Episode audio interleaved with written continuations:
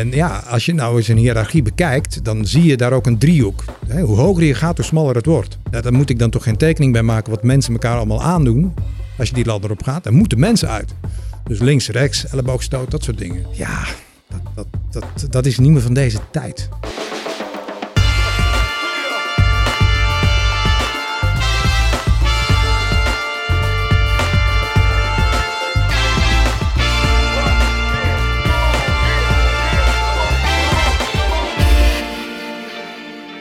Hallo, goedemorgen, goedemiddag of goede avond wanneer u dit ook luistert. Vandaag is het 23 juli 2018. Dat betekent dat u luistert naar de Brief, de podcast over content, marketing en eh, media. Dit is aflevering nummer 41. Nemen we gewoon weer vertrouwd in de avonduren op. Aan mijn rechterhand eh, waardevriend en collega Matthijs Tielman. Matthijs, Hi, hoe is het? goed. Heb je gedaan? Vakantie gehad. Was het leuk? Ja, was top. Heb je nog content gezien? Zeker, heel veel. Vertel. De beste eh, zoeken we uit. Dat was een artikel uit de New York Times deze keer. Ehm, moet ik jullie even mee terugnemen in de tijd. Vorig jaar eh, heeft Nike een enorm initiatief ontplooid om eh, mensen of een, een aantal marathonlopers voor het eerst onder de twee uur de marathon te laten lopen. Breaking Two heette dat hele initiatief, wat een fantastisch project was. Heel veel controverse omheen. Een en al gratis publiciteit. Fantastisch ding. Documentaires over gemaakt. Ga die zeker even kijken. Maar voor dit hele project heeft Nike een schoen ontworpen. De Vaporfly 4% eh, uit mijn hoofd. Ehm, speciale schoen voor dit project. Daarin zit een eh, techniek verwerkt waardoor eh, hardlopers 4% harder zouden gaan lopen, zegt Nike. Normaal gesproken hoor je dit, denk je van, oh ja, tof, het zal wel, ze zien er tof uit, dus ik koop ze toch wel. Ehm, maar het tof is, de New York Times is hier een volle bak opgedoken. Die zijn een samenwerking aangegaan met Strava, de hele bekende hardloop-app, waarin mensen ook aangeven op wat voor schoenen ze lopen. En zij gaan onderzoeken of dit daadwerkelijk zo is. En wat komt eruit? Ja, het is waar. Eh, gemiddeld eh, komen de mensen die op deze schoenen eh, marathons gaan lopen, eh, komen gewoon 4% sneller aan, eh, aan bij de finish. En dat is wel echt heel tof om te zien. Ze hebben dat ook op heel veel verschillende manieren eh, uit die data proberen te trekken. Ehm, dus het is een hele interessante insight eigenlijk in hoe je met die data moet of kunt omgaan. Wat je dus ook als bedrijf. Het is een hele leuke manier om te gaan kijken van hoe moet je data benaderen en wat kun je er allemaal mee doen. Dat is echt heel tof. Dus ga dat artikel zeker lezen. Ja, heb je die schoenen al gekocht? Nee. Kopen? Eh, nee, ik neem mezelf nog niet zo serieus als hardloper dat ik, eh, dat ik daar 250 dollar kost of zo. We mogen hardlopers, eh, zeg maar professionele hardlopers, mogen wel op deze schoenen lopen. Het is helemaal reglementair, helemaal... eh, is nog discutabel. In- De, de regels binnen de hardloopwereld zijn heel wazig over dit soort dingen. Ehm, dus er is discussie rondom die schoen. En in principe lopen er nu nog wel mensen op. Maar ja, het is gewoon niet zo... Als dit dus echt werkt wat nu feitelijk bewezen is... Ja, is het in principe gewoon een soort doping aan je voeten. En ehm, ja, is dat niet helemaal eerlijk. Oké. Dus ik weet... Ja, het is een beetje hoe streng zijn ze. Maar ehm, Klinkt als de redding van mijn eh, in het stof belande hardlopen carrière. Op ga ze halen. Op amateurniveau. Slechts 250 dollar. Geen En geld voor een, eh, vlieg voor je een over de finish. Aan mijn linkerhand zit zoals iedere aflevering de gast. Die kwam eigenlijk via MTV Networks, KPN en Sanoma Digital terecht. Eigenlijk vertrok hij uit de media marketingwereld in 2011. Ging toen het ondernemerschap in, richtte Maker Street op en in die hoedanigheid zit hij nu hier. Joris van Heukelom, hoe is het? Ja, goed. Ja? Ik weet niet of het zo goed is als mijn eh, overbuurman, die net op vakantie is geweest, maar toch ook echt best je goed. ziet er wel ontspannen uit. Dat zien de mensen thuis natuurlijk niet, maar je ziet er ontspannen uit. Ik voel mij ook ontspannen. Oké. Is dit de eerste keer dat je te gast bent in een podcast? Nou, wat is een podcast? Eh, dat is een distributiemiddel. Het is niet de eerste keer dat ik tegenover een microfoon zit en die af en toe met mijn lippen toucheer en dat dat leidt tot geluiden die betekenis eh, ja, geeft. Maar en, Geven. en, oké, en als distributiemiddel beschouwd, eh, eh, is dit dan je, je podcast ontmaagding? Of, Ik, ik denk inderdaad dat, eh, ja, dat, eh, dat ik vrij bleu ben in de wereld van podcast en dat men dit symbolisch, jouw woorden, ontmaagding zou kunnen noemen. Dus hey, geniet ervan. Ja. doe je, doe je, Dat we erbij mogen zijn. hè? ja, het is toch bijzonder. Eh, Beluister je podcast zelf? Of, of ben je... Nou, weinig. Oké. Komt dat geen tijd? Niet, niet... Ja, dat is een heel slecht argument, denk ik. Want, want juist podcasts zijn dingen die je. Ja, geen prioriteit. Ik, laat me zo zeggen, ik, ik, ik ervaar geen tekort aan input eh, in mijn leven. dat podcast een middel is om dat mogelijke tekort aan te zuiveren. Maar ik zal erover nadenken. Precies. We gaan je proberen om deze Ja. aflevering te overtuigen van dit mooie distributiemiddel slash medium, of hoe je het ook wil noemen. Ja. Eh, laten we beginnen met het nieuws. Zijn we weer terug in de studio en zoals u van ons gewend bent, bespreken we iedere aflevering drie nieuwsitems die de media en marketingwereld in zijn of haar ban hebben gehouden. Het eerste artikel werd getipt eh, eh, door de auteur van een column. Adformatiecolumnist Nadine Ridder tipte namelijk haar column 2018 nu al het jaar van branded activism. Die column is wel wel wat ouder, 6 juli heeft ze hem geschreven en is op, verscheen op zowel LinkedIn als eh, in het Engels eh, op Medium. En draait dus eigenlijk om branded activism. Ehm, eh, wat zegt eh, Nadine? In 2018 is het jaar van branded activism. Merken die goed doen en de wereld willen verbeteren. In haar woorden, branded activism is het aankaarten van en oplossingen bieden voor sociale thema's zoals discriminatie, stereotypering en klimaatverandering door merken. Dus branded activism of purpose marketing, hoe je het ook wil noemen. In ieder geval eh, eh, wordt dat het, of is dat het al, volgens, eh, volgens Nadine. Hoe komt dat dan? Dat zou met name komen doordat Generation Z nu de fakkel des aandachts overneemt van de millennial. En Generation Z, die jongere doelgroep, schijnt er nogal lekker te gaan wanneer merken zich heel erg netjes en verantwoordelijk inzetten voor een betere wereld. Oftewel woke zijn. Matthijs, weet je wat woke is? Ja, het is een soort wakker, toch? Dat is een beetje het ding. Je, je staat open voor maatschappelijke problemen en je verschuilt je er niet achter. toch? Het schijnt Ja. al in het, eh, in, in het officiële eh, eh, woordenboek te staan in het Engels. Daar heeft hij als definitie alert to racial and social discrimination and injustice. Dat is woke. Ben je, Ja, een zat, beetje, ik, zat ik in de buurt. ben je een beetje woke? Ik ben heel woke. Oké. Net vakantie gehad. hè. Wat, wat, wat, ik, ik zat hierover, wij hadden hier tijdens het voorgesprek wel een interessant gesprek over. Ehm, eh, want is het, nou, is het nou echt een trend, dat branded activism en het purpose marketing? Of zijn er gewoon een paar bedrijven die het heel erg sterk in hun aard hebben zitten? En, Tony Chocolonely noemt eh, mevrouw de Ridder ook al zelf. eh, eh, die heeft het heel duidelijk in zijn DNA en in zijn soort van identiteit verscholen zitten. Of niet verscholen zitten, die heeft, heeft het helemaal geïncorporeerd, dat dat verantwoord ondernemen. Maar ik heb toch wel eens vaak het idee dat dat er een heel groot gedeelte van de merken een beetje meeliften en, en er meer marketing purpose van maken dan purpose marketing, als je begrijpt wat ik bedoel. Nee, ik ben het helemaal met je eens. Er bekruipt je heel vaak een soort ongemakkelijk gevoel bij eh, merken die zich ineens gaan koppelen aan grote maatschappelijke issues. Dat je denkt, het is heel goed dat daar aandacht aan gegeven wordt. Alleen op de een of andere manier ontkom je niet aan het gevoel dat ze daar een slaatje uit proberen te slaan. Weet je, er wordt een, aantal voorbeelden gegeven. En, en een van die voorbeelden die zij geeft is dat eh, nou ja, een, een scheermesjesmerk die nu in één keer in de commercials naar vrouwen gaat laten zien dat eh, vrouwen daadwerkelijk haar op hun oksels hebben. Eh het is het hele punt waarom scheermesjes bestaan. Zij hebben zelf het beeld gecreëerd de afgelopen 60 jaar dat in de reclames in ieder geval geen haartje te zien is. Ehm, en nu in één keer wordt dat omgedraaid naar eh, je mag het wel zien. En het is echt. En, dus ze gaan het probleem oplossen wat ze zelf gecreëerd hebben. En daardoor ja, is er een soort frictie. En, en dat is dan een wat uitvergroot voorbeeld. Eh, Wat je aan de ene kant dus hebt staan van die bedrijven, die, die kiezen random een onderwerp uit waar ze ongetwijfeld goede bedoelingen bij hebben, maar zich in het verleden nog nooit druk over hebben gemaakt. En aan de andere kant heb je bedrijven die gebouwd zijn op het verbeteren van de wereld op een bepaald onderwerp, zoals een Tony Chocolonely, die dat zit in hun DNA. Het merk, het product bestaat omdat ze ehm, ja, de wereld willen verbeteren via een product. En, en ja, die merken neem je per, di- per direct serieus. En andere merken, ja, die zullen dit heel lang vol moeten houden. Willen ze een geloofwaardige partner worden op maatschappelijke issues, Oké. denk ik. En denk je dat denk je dat een hoop van de merken die dat nu oppakken, die handschoen en zich inzetten tegen een of andere sociale kwestie, dat ze dat eh, wel menen of dat ze Nou, ik, ik geloof zeker dat ze het menen, weet je. De, de, de- uiteindelijk doen ze dit echt wel vanuit een soort goede gedachte. En, en de marketeers bij die bedrijven, die zullen ongetwijfeld eh, goede bedoelingen hebben door zo'n bepaald topic. Maar doen ze dat, ik vraag me af, om, sorry dat ik je onderbreek, maar ik, ik- doen ze dat omdat er nu eh, blogs worden geschreven over purpose marketing en cong- congressen zijn over purpose marketing en dat het heel erg belangrijk is om met je purpose bezig te zijn? Doen de marketing managers het daarom? Of doen ze het omdat ze inherent het gevoel hebben dat hun merk verantwoordelijk is voor het oplossen van bepaalde sociale kwesties? Het eerste. Bij heel veel bedrijven, weet je. En je hoopt dat ze dus op termijn... Kijk, er zijn ook heel veel bedrijven die, die, die verbinden zich aan, aan gay marriage en dat soort dingen. Ehm, dat ze dat belangrijk vinden dat het overal in de wereld kan. En dat is fantastisch. Alleen dat probleem ga je niet oplossen door één of twee jaar campagne te voeren. Dat ga je moeten doen door 100 jaar campagne te moeten voeren. En dan ga je impact hebben op, op het onderwerp. Dus het feit dat ze er nu voor kiezen is denk ik een goede beweging. Alleen ze zullen dat heel lang vol moeten houden. En als het onderwerp niet meer hot is, ja, dan zullen we waarschijnlijk gaan zien dat heel veel van dit soort clubs het dan ineens ja, toch weer over een heel ander onderwerp gaan hebben. Ja.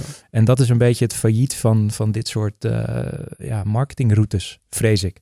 Dus, Joris, heb jij een gevoel bij dat dat purpose marketing, maar is dat, is dat, zie je dat als trend? Of wat? Nou ja, ik zie het, uh, het is zeker een trend.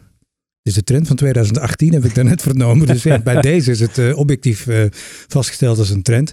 Ja, het is natuurlijk, ja, een paar jaar geleden was Simon Sinek en die had het over de, de why en de what en de how. En blijkbaar heeft iemand zitten opletten. Heeft, heeft hij werk goed gedaan en dan is een paar jaar later het jaar van de purpose marketing. Ik bedoel, als je hem omdraait, wordt hij heel raar. Hè? Dat als een merk geen purpose meer heeft. Nee. Dus, dus het, is heel, het is niet heel raar dat merken purposes hebben. En, en dat die purposes dan, dan liggen in, in goed te doen. Als, als grootste gemene deler is ook niet heel raar. Um, ja, wat dat betreft zijn merken een beetje nieuwe religies. Ja, ik vind het nou niet, uh, ik vind het niet baanbrekend. En ik, ik vind vooral het objectief kunnen vaststellen dat, dat een purpose wordt gesteld. En dat alles wat men doet om die purpose na te streven ook waarachtig is.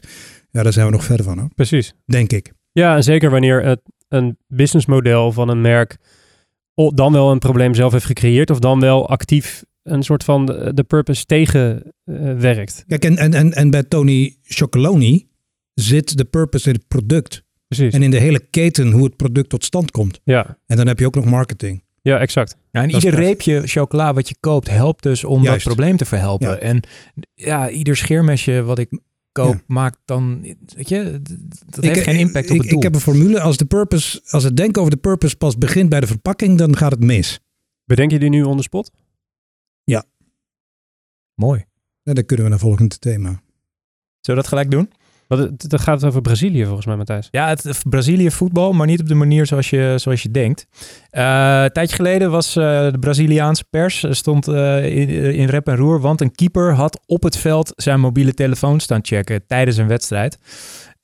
Dus die stond gewoon even zijn appies te lezen. En ja, daar is, is ook beeld van. Je ziet gewoon mensen op, op de tribune schreeuwen tegen die gozer. Van, Tijdens wat ben je een, aan het doen? profclubs, officiële-. Ja, gewoon de Braziliaanse eredivisie. Ehm, ja, en die gast die, die pakt zijn telefoon en begint gewoon zijn appies te lezen.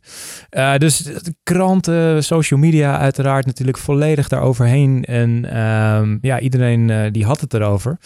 Ehm, ja, en dit bleek een, een slimme campagne te zijn van eh, Uber in Brazilië. En eh, ja, ik, noem het maar even Veilig Verkeer Brazilië, zoals wij Veilig Verkeer Nederland hebben. Een, eh, een awareness campagne rondom appen in de auto. Namelijk, waarom staat het hele land stil bij het feit dat eh, een keeper één keer zijn appies checkt tijdens een voetbalwedstrijd? En eh, waarom komt het niet eens meer in de krant als er iemand overlijdt door appen achter het stuur? Want in Brazilië schijnen, zijn het schijnbaar 400.000 mensen per jaar die omkomen door eh, ja, het, het gebruik van je mobiele telefoon in de auto. Dus hele ja, krachtige campagne. Ja. Ik vond het ook wel vet hoe, de, hoe de, de aap uit de mouw kwam was dat die jongen, de, die keeper, die werd ernaar gevraagd tijdens de persconferentie, volgens mij kort na die wedstrijd. En daarin deed hij ineens dat statement van, nou ja, ik wil gewoon, eh, als iedereen nu zo op me let, dan eh, wil ik eh, hier gewoon eh, tegenop staan. Ja, het Ja. was echt een enorme goede PR-campagne. Is het purpose marketing of is het... Nou, ik zit hem ineens te bedenken inderdaad. Van ja, goed, Uber die zich daaraan verbindt. Ja, ja, ehm, ja. nou, het heeft op zich wel een hele duidelijke marketing. link met het product in die zin, Ja. denk ik. Als je wil appen, neem een Uber. Joris, volgens jouw formule? Klopt die dan, verpakking? Ja, ja, ik vind dat je hier de purpose en, en, en het product uit elkaar moet, mag trekken. Kijk, dat Uber dit doet, dat is, eh, dat is leuk. Maar ik vind die, die campagne en de manier waarop echt eh, geniaal. Ja, Echt geniaal. Want eh, hoe zet je mensen nog aan denken, hè, anno 2018? Gewoon even die reflectie, dat mensen even stilstaan bij hun eigen gedrag. Dat is echt onvoorstelbaar Ja. moeilijk. En dat is wel geslaagd. Ja, en dat het dan Uber heeft gedaan, prima. Ja. Le- leuk voor Uber. Ja, zeker, zeker. Het laatste segment, en dat realiseer ik me eigenlijk nu pas, gaat het weer over voetbal. Ja. Nou, laat het deze dan een soort onze WK-afsluitspecial eh, zijn. Iets wat laat, edoch. Eh die draait namelijk om de bekendste voetballer, ik ga niet zeggen de beste, de bekendste voetballer ter wereld. Cristiano Ronaldo. Voor de niet-voetbalfans, die is laatst overgestapt van Real Madrid eh, eh, naar Juventus eh, voor een schamele bedrag van 100 miljoen euro. Die ging van Spanje naar Italië. Eh 100 miljoen euro is heel veel geld. Uh, dat is zeker wel wat geld. Was hij redelijk beledigd over, hè? dat het maar 100 miljoen was? Ja, ja, Nou, ja, je zou kunnen stellen dat meneer Ronaldo toch wel zijn beste voetbaljaren, al weet je het bij hem nooit, wel redelijk achter de rug heeft. En dan is 100 miljoen euro toch nog wel een redelijk smak met geld die, die Real Madrid heeft gekregen van Juventus. Maar op campaign lazen we um, dat de Hetgene wat Juventus hierbij koopt, niet zozeer wellicht een speler is die op het veld staat, maar meer een media asset. Want wat, wil, wat heeft zo'n uh, Ronaldo in zijn tas zitten? 200 miljoen gecombineerde social media volgers. Ter vergelijking, Juventus heeft als club 17 miljoen verzamelde social media volgers. Dus die heeft, die heeft toch wel ruim 10, 10, uh, 10 keer meer. Uh, um, en Juventus koopt dus eigenlijk meer een media asset dan echt een, een speler. En, en een media asset die wel aardig bijdraagt in de waarde van het merk. Want het, aandelen van Juventus gingen 40% omhoog volgens een Italiaanse krant na die, uh, na die aankoop. En daar tellen ze nog niet eens de voetbalshirtjes bij op. Want uh, Joris, als ik jou mag laten gokken, hoeveel in de eerste 24 uur voor hoeveel miljoen euro hebben ze aan shirtjes verkocht, denk je? 32 miljoen. 60 miljoen. Nou, aardige kop. Binnen, binnen 24 uur gingen er, dus, uh, gingen er dus zoveel shirtjes. Met het nummer 7 overigens uh, over de balk. Daar moest een andere speler van Juventus wel zijn nummer 7 voor inleveren. Waarom wilde Cristiano dat nummer nou zo graag hebben? Nou niet omdat zijn lievelingsnummer is, maar omdat zijn merk CR7, waar hij onder andere Rikse hotels en kledinglijnen allemaal gekkigheid aan heeft verbonden. Dat merk moet natuurlijk in, in stand blijven, blijven gehouden.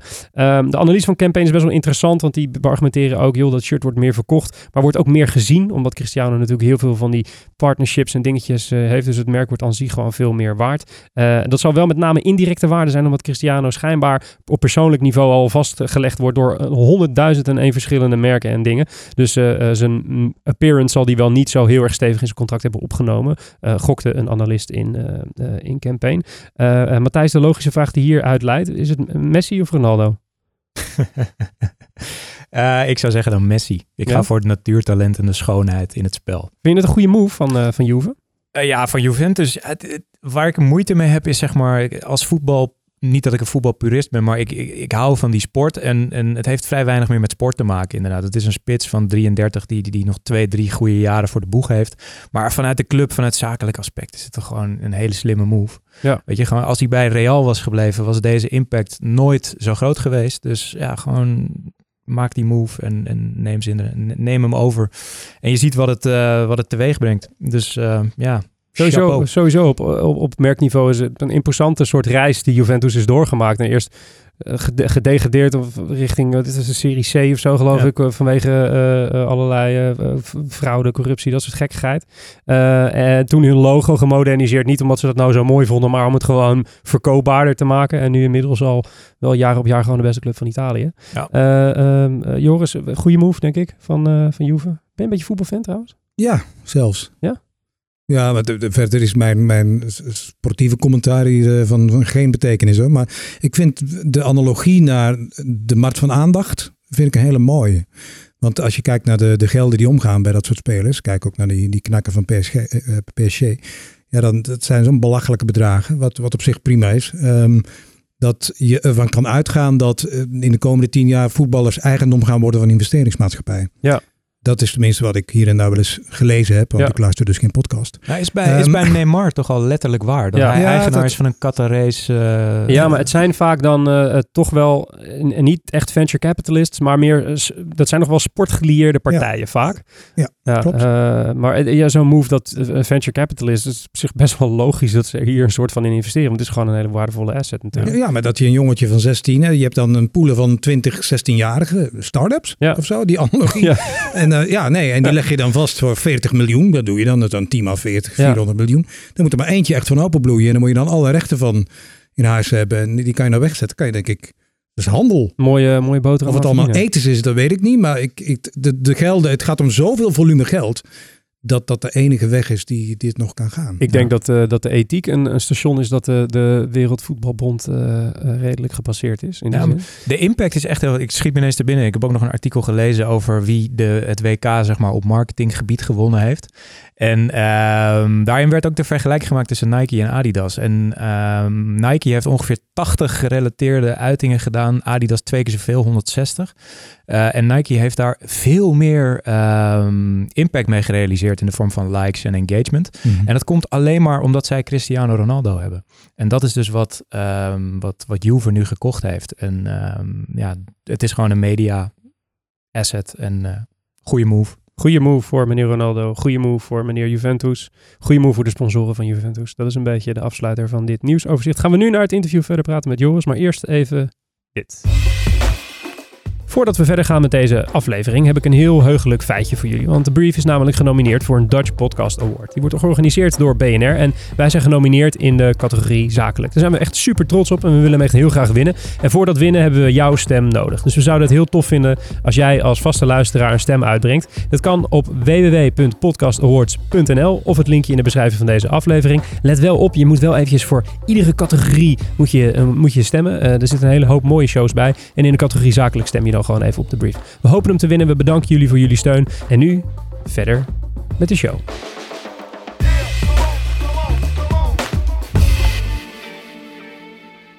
Ja, zijn we weer terug in de studio met Joris van Heuklom van Maker Street. Joris, Ja. als ik jou vraag wat Maker Street precies doet, wat is dan het antwoord? Maker Street is een, uh, is een netwerk van ondernemers. Dat zijn er ondertussen een twintigtal en die, uh, ja, die sturen ook uh, ongeveer zoveel bedrijven. Um, begonnen in 2011 um, op basis van iets wat dan weer begonnen is in 2007. Maar de naam Maker Street en echt de, de groei die we doorgemaakt hebben de laatste jaren, die is echt aangezet in 2011. Um, toen uh, was het uh, Tech Tribe. Dat zegt, dat zegt denk ik ja, niet heel veel mensen iets, maar dat was echt de basis, Tech Tribe. Um, vrij technologisch georiënteerd, back-end development. Um, en vandaar kwam de gedachte, laten wij een, een netwerk organisch laten groeien. Um, toen 35 werknemers, nu ja, bijna 20 bedrijven, meer dan 20 ondernemers en in totaal 235 werknemers, zoiets. Dus ja, dat. En, en jouw specifieke rol in het geheel is dan, ben jij de ja, grote, grote, grote chef die al die ondernemers weer helpt met het runnen van hun onderneming. Is, zeg ik het zo goed? Of hoe? Wat nee, is... zo zou ik mezelf. Ik zou mezelf niet als grote smurf dan wel grote chef willen betitelen. Nee, kijk, het is een niet hiërarchisch gestructureerd uh, netwerk. Um, dat betekent dat er dus uh, geen, geen chefs uh, wat dat betreft zijn. Als je, als je kijkt, we hebben ook niet echt een hele particuliere, specifieke invulling voor alle partners. We hebben wel partners op verschillende niveaus. Ik zit op het Maker Street niveau. Dat betekent dat ik, dat ik een onderdeel ben van, van alle bedrijven in het netwerk. Mijn, mijn hobby, zeg maar mijn afwijking, datgene wat ik heel leuk vind, zijn de nieuwe dingen doen. Um, dus ik, ik hou er ontzettend van om, om af en toe een, een, een nieuwe onderneming aan het netwerk te knopen dan wel organisch te laten ontstaan. Uh, dat is zo wel een beetje mijn dingetje. Dat, dat is wat mijn volle aandacht heeft, vind ik heel leuk. En, en dat zijn, je zei zelf, zo'n twintigtal ondernemers nu. Wat is, ja. wat is een soort van de paraplu-gedachte achter de businessmodel? Je hoeft ze niet allemaal langs te gaan, maar is nee. er een soort van ding wat hun verbindt? Ja, dat, dat zou je kunnen. De rode draad die er doorheen loopt. En dan zijn er natuurlijk genoeg ruimte voor afwijkingen, maar daar ga ik het er niet over hebben. Maar de rode draad die er doorheen loopt, is dat alle bedrijven binnen het Maker Street netwerk. Uh, die zitten op een vrij specifieke plek. Uh, waarbij klanten. Producten ontwikkelen. Dus van de product development lifetime cycle. Uh, als jij uh, nieuwe kansen zoekt in je business model met een in je portfolio, je wil je portfolio uitbreiden, dan, ja, dan is er een, een bedrijf dat kan je helpen met business design, met nieuwe ideeën, met concepting, maar ook met validatie, dat is dan een ander bedrijf. Of met het, met het bouwen van dingen, het maken van dingen, tot en met het optimaliseren van dingen. En ja, dat is dan de rode draad. En het bevindt zich allemaal op het snijvlak van digital en, uh, en technology. Ja, ja nou, je noemt het woord zelf al digi digital. Als je kijkt naar jouw carrière, we liepen er net in het begin van de aflevering al een heel klein beetje doorheen. Uh, uh, eigenlijk loopt jouw volledige carrière een beetje lineair met de digitalisering, bijna, als je hem zo ziet. Je, van, volgens mij in 1998 begon je bij MTV. Uh, uh, vanaf daar naar KPN, Director Digital bij Sanoma, uh, lange tijd geweest. dus zowel aan, aan merkzijde als aan exploitant of mediazijde. die digitalisering meegemaakt in die zin. In je Twitter bio zag ik ook staan, a decade of digital mistakes and successes. Als je nu naar je eigen rol kijkt als ondernemer in die digi gedigitaliseerde omgeving. wat is dan die grootste digitale fout waar je op doelt bijvoorbeeld? De meest recente als ondernemer? Mijn grootste digitale fout? Ja. Oh, dat is. Uh, oh, jongen. Oh, hebben we twee uur? Um, alsjeblieft. Ik kom nog eens een keer terug, denk ik. Um, ik denk dat het de grootste fout, of datgene wat echt het, het, het, het, het sterkst is misgelopen, wat ik eh, achter me aansleep, is ongetwijfeld het cross-mediale eh, platform DAG. Dat zegt misschien jullie niks, maar ik weet nu. Ja, zeker wel. De, nieuws, het nieuwsmerk. Ja, dat, er- dat er nu toch wel een aantal, een aantal mensen deze podcast aan het beluisteren zijn. die ofwel heel hard beginnen te lachen, dan wel te huilen. Maar daar zit niks tussenin. Ehm, ehm, ja, maar was dat nou een fout? Ik heb er wel heel veel van geleerd hoor. Maar het, het was wel een, een misconceptie, mijnentwegen. Ja. Precies. En, en dat was een, een propositie die je ontwikkelde eh, vanuit, was dat Ilse Media of was dat eh Sanoma? Was Nee, dat? nee, nee, nee, nee, dat was daarvoor nog. Dat was KPN. Ah, dat was KPN en het toenmalige PCM, wat nu persgroep heet, die Ja. de handen in elkaar hadden geslagen om nu.nl kapot te maken. Ah ja, niet helemaal gelukt. Mhm. Eh, ehm, Nee, maar ja, ze hebben het niet volgehouden natuurlijk. Hè? ja, dat, is, dat is als je kijkt naar wat je eigenlijk, eh, laten we hem even heel plat staan, in dienst hebt, eh, hebt gedaan. En nu, nu, zoals gezegd, eh, sinds 2011 ben je ondernemer. Ehm, welke fouten heb je als ondernemer gemaakt? God, ik vind dat, eh, dat, zijn, dat zijn vragen die heel dichtbij komen. Ehm, ik denk dat ik heel, heel lang gewacht heb voordat ik van de pot kwam. Ik, ik, ik als, als, eh, als corporate functionaris, ik, ik, wa- ik was dan CEO bij Sanoma hè, voor de digitale tak. Ehm, en ik denk dat ik toen echt wel dacht dat ik verstand had van ondernemerschap. Maar eigenlijk was ik zo near to a burn-out, eh, een beetje moe. En wa- was ik vooral, moest ik vooral heel veel rusten. Maar ik heb, ik heb echt wel, denk ik, bijna een jaar zitten nadenken van... wat ga ik nou eens een keer toevoegen aan dit netwerk? Precies. Ja, ik, ik denk dat, dat dat een van de dingen is waarvan ik denk van ja, dat had wel wat gezwinder gekund. Ehm, ja, ik, ik, ik, ik zie verder. Ik kijk zo niet. mm, Je doet dingen fout, maar dan sta je weer op en dan doe, ja, dan doe, doe je dingen fout. Ja, we hebben wel eens een investering gedaan die mislukt is. Zolang je er maar iets van leert. Nou ja, ja is dat, dat mensen te veel vertrouwen of op hun blauwe ogen of, of, of het goede geloof hebben dat en zo verder enzovoort. Maar ja, dat, daar zitten geen hele grote wondes. De dag is wel een beetje een wonde. En het feit dat, het, dat ik oprecht dacht dat ik als ondernemer heel snel furoren ging maken. Maar dat heeft, ja, tenslotte ben ik ook al zeven jaar bezig. En dat heeft het ook wel echt nodig gehad. Ja. ja. En je ziet nu eh, veel collega-ondernemers binnen Maker Street. Eh, je hebt eh, andere ondernemers begeleid bij Rockstart bijvoorbeeld. Mhm. Ehm, dat heb je ook heel mooi kunnen observeren dan waarschijnlijk. Ja. Wat, wat onderschatten ondernemers? Ja, ik denk, ik heb bij, bij Rockstart, daar ben ik een keer binnengefladderd en ook vrij snel weer buiten gefladderd. Ik heb wel een, een specifieke mening over dat soort eh ondernemersnet of start-up netwerken. Ik vind start-ups wat anders dan ondernemers, maar ik zal mijn aversie ten opzichte van bijvoorbeeld Elon Musk misschien zo dadelijk nog in, de etalage Mag hoor. gooien. Komen we zo op terug. Ja, nee, daar komen Hij luistert altijd. Dus, ja, precies. Hello Elon. Ehm, dus ik ben nu ook de vraag vergeten. Eh, wat, wat onderschatten de meeste ondernemers? Dus je hebt er aardig, Oh, ja. veel, aardig wat gezien. Eh, Ja, wat, wat, ja. wat zie je vaak terugkomen? Nou, wat ze, wat ze onderschatten is de tijd die ze nodig hebben. Grappig, want dat bruggetje kan ik nu eh reversed even bouwen. In, om, om successen te boeken, om vaste grond te vinden onder hun voeten. Wat ze ook onderschatten is hun eigen overschatting. Ehm, en, en dat zie ik elke keer weer opnieuw. Maar dat heb je natuurlijk ook voor een stukje nodig. Want als je dat, dat ja, gruwelijke geloof in een bepaald idee eh, of, of een bepaalde pitch die je moet gaan doen of whatever niet hebt, ja, maar dan, dan gaat het ook echt niet werken. Maar ja, men, men, men, men onderschat soms zijn eigen eh, overschatting. En wat vooral het, het geval is, is dat men vrij blind is voor de operatie. Men heeft soms echt op, op een aantal zaken geen idee wat het kost om te verwezenlijken wat men nodig heeft om succesvol te zijn. En wat ik ook heel vaak gezien heb, maar dat zit dan echt aan de rockstart kant of startup bootcamp. Dingen die ik, die ik respecteer hoor, maar dat, dat, waar, je eigenlijk te maken hebt met mensen die ja, wel in staat zijn om een dienst te bouwen.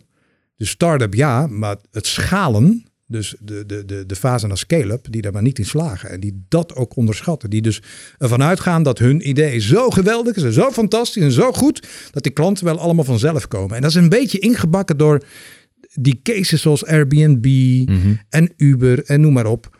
Maar ja, die mensen, als je dat een keer goed onder de loep, onder de microscoop legt, ja, dan geeft Airbnb best veel geld uit. Ja. En, en Uber, dat, dat, dat is een geldverbrandende machine. En Tesla heeft ook nog echt geen fucking dime verdiend, weet je wel. Dus, dus je moet dat allemaal wel een beetje naar waarde weten te schatten. Dat zijn mooie verhalen en, en dat, dat is allemaal fijn. Maar ja, klanten aan je binden en verbinden. Ja, dan moet je echt een fucking goede, niet bestaande dienstverlening hebben waar mensen op zaten te wachten. En er zijn er heel weinig die dat konden. Steve Jobs kon dat. Eh, of je moet eh, toch wel echt gaan, eh, gaan, ja, gaan acquireren mensen. En dat vergeet men. Ja. Nou, vaak is het zo, als men daaraan begint, is het geld al op. En dan kan men voor een nieuwe investeringsronde gaan. Mhm. Want dat is het model van een start-up. En dat is wat ik ook een beetje tegen, tegen start-ups, daar gaan we weer, lekker polariserend, maar heb van, ja jongens, wat is nou je businessmodel? En, en, en ja, de wetenschap zegt dat heel simpel. Hè? Je bent geen start-up meer vanaf het moment dat je een bewezen businessmodel hebt. Ja, en, en het model van een start-up is eigenlijk gewoon zoveel mogelijk geld eh, uit de zakken kloppen van venture capitalists of banken. Ja. Ja, of hoop op die overname. Dat zie je ook wel. Ja. Dat, dat men iets bedenkt en dan niet let op winst, maar gewoon maar gaat en Ja. bouwt en bouwt en bouwt en bouwt. Net zolang totdat er een Ja. potentiële concurrent zenuwachtig wordt en de boel overneemt. En dat is ongeveer hetzelfde als geld kloppen uit. de- En dan heb je weer een paar voorbeelden die daar archetypisch zijn. Maar iedereen van denkt, ja, dat kan. En dat is dan WhatsApp, weet je wel. Ja, natuurlijk ging de zoek 17,4 miljard betalen voor WhatsApp. Want daarmee heeft hij natuurlijk een potentiële concurrent die eenzelfde netwerkeffect had als eh, zijn netwerkeffect, namelijk een closed community. Je kan er niet uit, want dan heb je geen vrienden meer. Ja. Eh, ging hij toevoegen met een functionaliteit die veel helderder was dan de zijn. Dat was gewoon een slimme zet. Ja. Ehm, en nee, WhatsApp had ook nog geen businessmodel. Maar dat is ook toch weer een beetje uitzondering, denk ik. Ze gaan experimenteren met advertenties volgens mij. Oh god. Dat feest is ook afgelopen. Veel succes. Ja, nou ja, goed. De reden en, waarom... en iets met data, toch? Ja, absoluut. Ja, Ja, ja. oké. Ja, nee, ja je, je ziet gewoon dat dan aandacht ineens de valuta wordt. Dat als iets heel veel aandacht Ja. heeft, dat dat dan de, hetgene is waar de waarde aan wordt verbonden in plaats van keiharde winsten in die zin. Dat als alle ogen ergens op gericht zijn, dan Dat zal het wel potentieel wat waard zijn. En dan ineens eh, wordt de portemonnee getrokken. Hey, ik was wel benieuwd, ehm, als je kijkt naar eh, die digitalisering, die, die, eh, de, de wereld waar we nu in leven, die eigenlijk continu in beweging is, in beweging blijft, op zowel eh, kanaalgebied, productgebied, nou, noem het allemaal maar businessgebied. Mhm. Zijn er bepaalde essentiële onderdelen of gedachtes eh, eh, ehm, die een ondernemer moet hebben als hij nu op dit moment een succesvolle organisatie wil beginnen? Ja, los van het feit dat die een waardepropositie moet hebben die iets toevoegt en relevant genoeg is voor een bepaald segment die daar geld voor wil betalen. Maar dat is dan denk ik een, een beetje de, de assumptie die we hier hebben. Ja, ja echt op organisatieniveau. Ja, de- ja, precies. Kijk, het, het, het, ik, heb, ik heb wel eens een modeltje gemaakt, maar dat is meer relevant voor corporates. Dat is het Corporate Innovation Model. Maar als ik daar even eh, van een grote afstand naar kijk, dan zijn er twee dingen fundamenteel belangrijk als je een succesvol onderneming wil zijn. En dat geldt voor corporates ook, alleen wordt het dan veel groter en moeilijker om te effectueren. En dat is het feit dat je onvoorstelbaar receptief moet zijn richting de buitenwereld. En ongekend adaptief richting je binnenwereld. Ehm, voor de mensen die denken, hij praat weer in raadsels. Ja, dat klopt. Ehm, en dan hier de oplossing van de rebus. Eh, het receptieve, dat zit in het feit dat je heel goed eh, met, met alle empathie die je in je hebt en alle oordelingsvermogen dat je in je hebt, moet weten wat je klanten willen en doen. En in welke context ze wat doen en hoe je hun gedrag nog zou kunnen beter modelleren richting jouw dienstverlening zonder ze op te sluiten, maar wel captive te houden. Ehm, en klanten, consumenten, gebruikers, publieksgroepen zijn wis- wispelturiger dan ooit tevoren. Weet je, merktrouw is gewoon, ja, is een grote promiscue bende, die klanten. Dus daar moet je heel receptief voor zijn. Daar moet je je organisatie op inrichten. Ehm, dan kom je al gauw met, met trucjes als user journeys en dat soort dingen. En daar heeft iedereen de mond van vol. Ik bedoel, toen ik bij KPN werkte, toen zei men ook de klant centraal. Dat heeft me echt nooit begrepen. Maar daar gaat het dan wel over, maar dan echt. En naar binnen toe moet je gewoon de, de maakskills hebben. En dit zeg ik nou niet omdat ik toevallig eh, iets met Maker Street heb. Ik geloof echt dat het maken belangrijk is. Waarbij je dus heel snel kan toetsen en gaan kijken datgene wat je opvangt uit de buitenwereld om je product, je portfolio, bepaalde functionaliteiten, bepaalde principes aan te passen om te zorgen dat uh, je daarmee evolueert en sneller evolueert dan je concurrent. Als je dan naar een corporate vertaalt, hè, kijk bijvoorbeeld ING doet dat best goed, vind ik. Hè, bij ING heeft men op een bepaald moment ingezien dat het, het als eerste lezen van de developers kit van de nieuwe iOS of Android of whatever, dat het best interessant is. En dat als je dan zorgt dat je uh, als eerste bank via fingerprint kan inloggen op je internetbankieren, dat er een bepaalde doelgroep is die zegt van hey, dit is tof. En dan is innovatie meteen marketing geworden. Dat is eigenlijk een concreet voorbeeld van wat ik bedoel. Receptief zijn naar de buitenwereld, adaptief van binnen en daardoor je producten heel snel kunnen aanpassen. En waarom gaat dat bij big corporates dan zo vaak mis? Want we leven nu toch al best lang in de tijd van digitalisering. En, ja, het gaat ook steeds beter. Hè? Um, maar, maar ja, dat is toch ook ja, ik, ik wil niet vervallen in boutades, maar dat is toch een beetje die speedboot en, en die, die mammoetanker die ergens in Calais eh, een keer naar rechts moet gaan of hij haalt Rotterdam niet. Maar dat is natuurlijk wel zo. Kijk, een, een, een, een single brand operation, zoals WhatsApp bijvoorbeeld, of ja, noem maar nog honderd andere, is gewoon simpelweg makkelijker te managen dan een portfolio.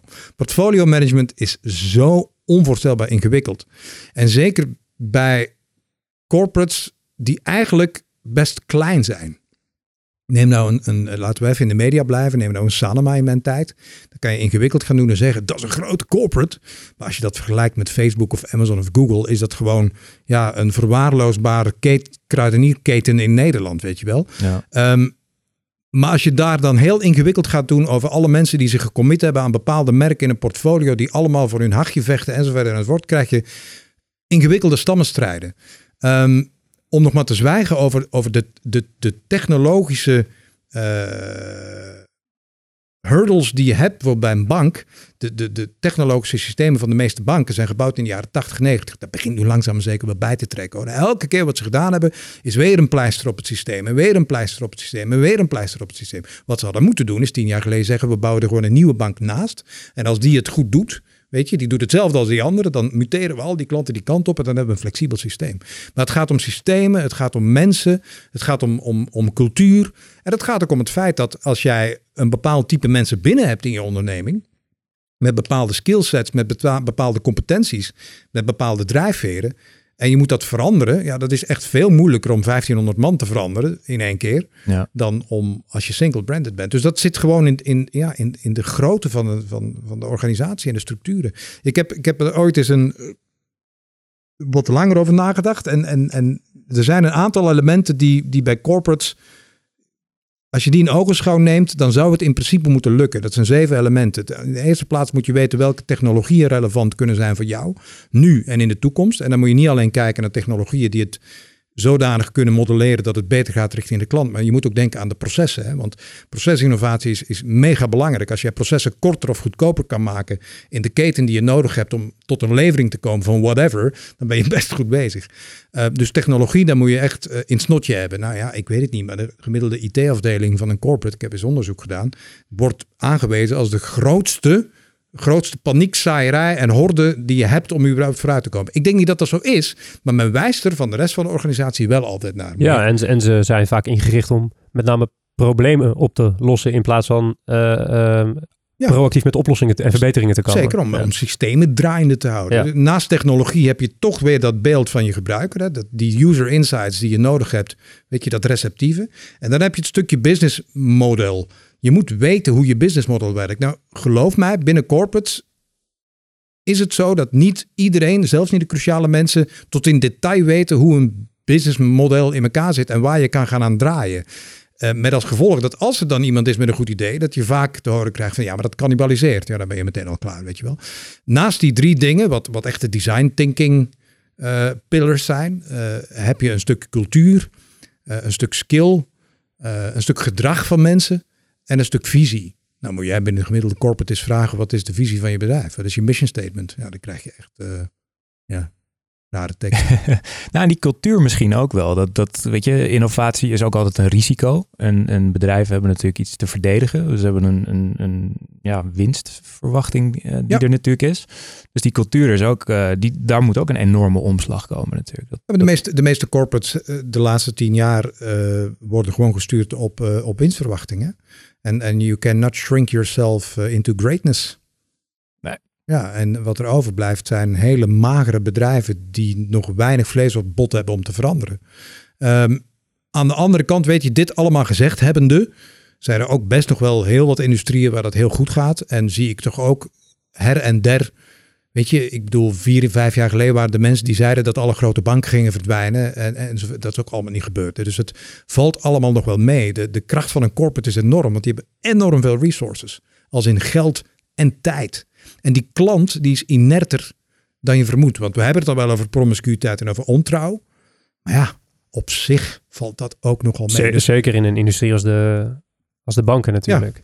Als, je die, als je die factoren noemt uh, uh, waar het misgaat of waarop gelet moet worden, is, is er een van die factoren die je als belangrijkste aanduidt? Dus stel ik, uh, ik run een corporate, mm ik kan niet alles tegelijkertijd veranderen. Waar zijn de, de, de, quick wins in, die, in dat rijtje? Of zijn dit, is dit echt een soort holistisch proces en kan je zo'n organisatie alleen maar veranderen als je het allemaal tegelijkertijd aanpakt? Nou ja, ik denk dat het wel belangrijk is om het allemaal, ja, ja, ik zou het allemaal tegelijkertijd aanpakken. Ja. Ik weet niet of ik hier gelijk heb, maar ik zou wel proberen al die dingen te adresseren en op al die dingen een plannetje te smeden hoe je dat nou gaat veranderen. En als je mij vraagt nu, hè, uh, waar ik de grootste potentiële dreiging zie voor falen in al die veranderingsdrift, die uiteindelijk zal slagen, maar dan is het het de, de, de disconnect tussen de, de plek waar het in, onder, in, in ondernemingen, in grote ondernemingen gemaakt wordt en dat gebeurt toch veelal in andere processen dan, uh, dan een jaar of vijf geleden. Ik bedoel, iedereen is op Scrum training geweest. Iedereen weet ondertussen wat agile is. En iedereen heeft het nou zo vaak toegepast en is op zijn snavel gegaan dat ze het langzaam zeker ook echt kunnen. want vijf jaar geleden zei zo'n manager tegen mij: uh, Ik heb een vergadering, ik ga een vergadering scrummen. Dat vond ik altijd heel leuk. Maar nu ondertussen begint men dat in te zien. Men werkt anders, men, men, men, men, men, streeft doelen, output na op een, echt op een andere manier. Dat gaat op een authentieke andere manier. Maar daarmee heb je heel veel van, van je ja, beslissingsvermogen als hoger management naar beneden geduwd. Dat heb je per definitie gedaan als je, als je dat gaat doen. Als je die organisatie, cultuur en, en vormen gaat omarmen. Dat is op zich een hele goede zaak. Maar ja, als je dan tegelijkertijd op een bepaald moment zenuwachtig wordt en zegt van ik wil nu toch gaan ingrijpen of weten wat men doet of ik wil gaan sturen, ja, dan maak je dat ook weer kapot. Dus die disconnect, het niet aansluiten van de KPI-set waar men in de hogere managementlagen op stuurt en de agile principes die men ondertussen heeft geïmplementeerd, zeg maar daar waar het echt gebeurt en waar het klantcontact en de producten en de dienstverlening tot stand komt, ja, dat is nog wel een dingetje. Dus boven in de organisatie moeten ze het los durven laten. En onder in de organisatie moet er juist uh, meer vrijheid komen om, om dingen te proberen. Nou, die vrijheid die is er, hè? Die, die, die, die is er bij de meeste bedrijven wel. En men moet gewoon een manier vinden dat men dezelfde taal spreekt. Um, en men moet KPI's, dat klinkt heel oudbollig, maar men moet in ieder geval die managementinformatie proberen te, te extraheren, zodat men elkaar weer begrijpt. Ja, uh, wat, wat voor skills hebben werknemers daar dan uh, voor nodig die ze nou ja, vijf tot tien jaar geleden nog niet hadden? Om dat allemaal, ja. ja om het allemaal te begrijpen en in ja. te Ja, kijk, ik, ik, dat, dat, als je kijkt naar de, de, de, de, de, groepen en beroepsgroepen die on, uh, momenteel ontzettend onder druk staan, en dan heb ik niet over de zorg en, en, en, de, en de schoolmeesters. Ja, dat zit toch in de hoek van front-end development, dat zit toch in de hoek van UX, dat zit toch in de hoek van design. Uh, dat, dat zit toch in de maakindustrie die in staat is om snel, iteratief, in contact met, met klanten en gebruikers te komen tot dan wel optimalisatie van dienstverlening, dan wel het definiëren van nieuwe dienstverlening en die testen. Dus, dus ja, de, de huidige scholen en universiteiten die, die, die, die spuwen dat soort volk ook uit. als je op dit moment uh, uit Delft komt en je hebt die studie uh, in je achtertas, dan, ja, dan kan je echt overal beginnen. Um, dat zegt nog niks over het feit dat je daar dan heel gelukkig van wordt en dat dat tot een succes leidt. Want daar zit ook een groot cultureel aspect. En dat heeft dan meteen te maken met, ja, als je dan in die nieuwe soorten processen dat soort mensen steekt, dan moeten die processen ook wel gefaciliteerd worden van bovenaf. Wat ik, wat ik zelf, maar dat is dan heel persoonlijk, hoop is dat corporates de manager afleert te managen. Weet je, het, toen ik ooit bij KPN zat, en ik heb daar twee jaar gezeten, dus dat was echt heel kortstondig. Maar dan had je twee typen mensen, dat waren managers of managers uh En als jij manager 1 was, dan was je de baas van de 1 manager. Ben je nog? Iedereen is manager in die zin bijna. Dat sowieso, maar de ene managt iets en de andere managt mensen. En het hoogste doel van een ieder die daar binnenkwam, vanaf het moment dat hij binnenkwam als trainee, was mensen managen. Want dan ga je om, omhoog op de ladder van de hiërarchie. En ja, als je nou eens een hiërarchie bekijkt, dan zie je daar ook een driehoek. Hoe hoger je gaat, hoe smaller het wordt. Nou, daar moet ik dan toch geen tekening bij maken wat mensen elkaar allemaal aandoen. Als je die ladder op gaat, dan moeten mensen uit. Ja. Dus links, rechts, elleboogstoot, dat soort dingen. Dat, uh, ja, dat, dat, dat, dat is niet meer van deze tijd. Op, oprecht, hè? ik meen oprecht dat dat niet meer van deze tijd is. En als je kijkt, de hoeveelheid managers bedoel je dan? Of de... Nee, die, die omgangsvormen en de, ah, ja. en de manier om te klimmen. Als je, als je kijkt naar het aandeel uh, burn-outs onder millennials. Ik lees dat wel eens. En ik ken wel best veel millennials.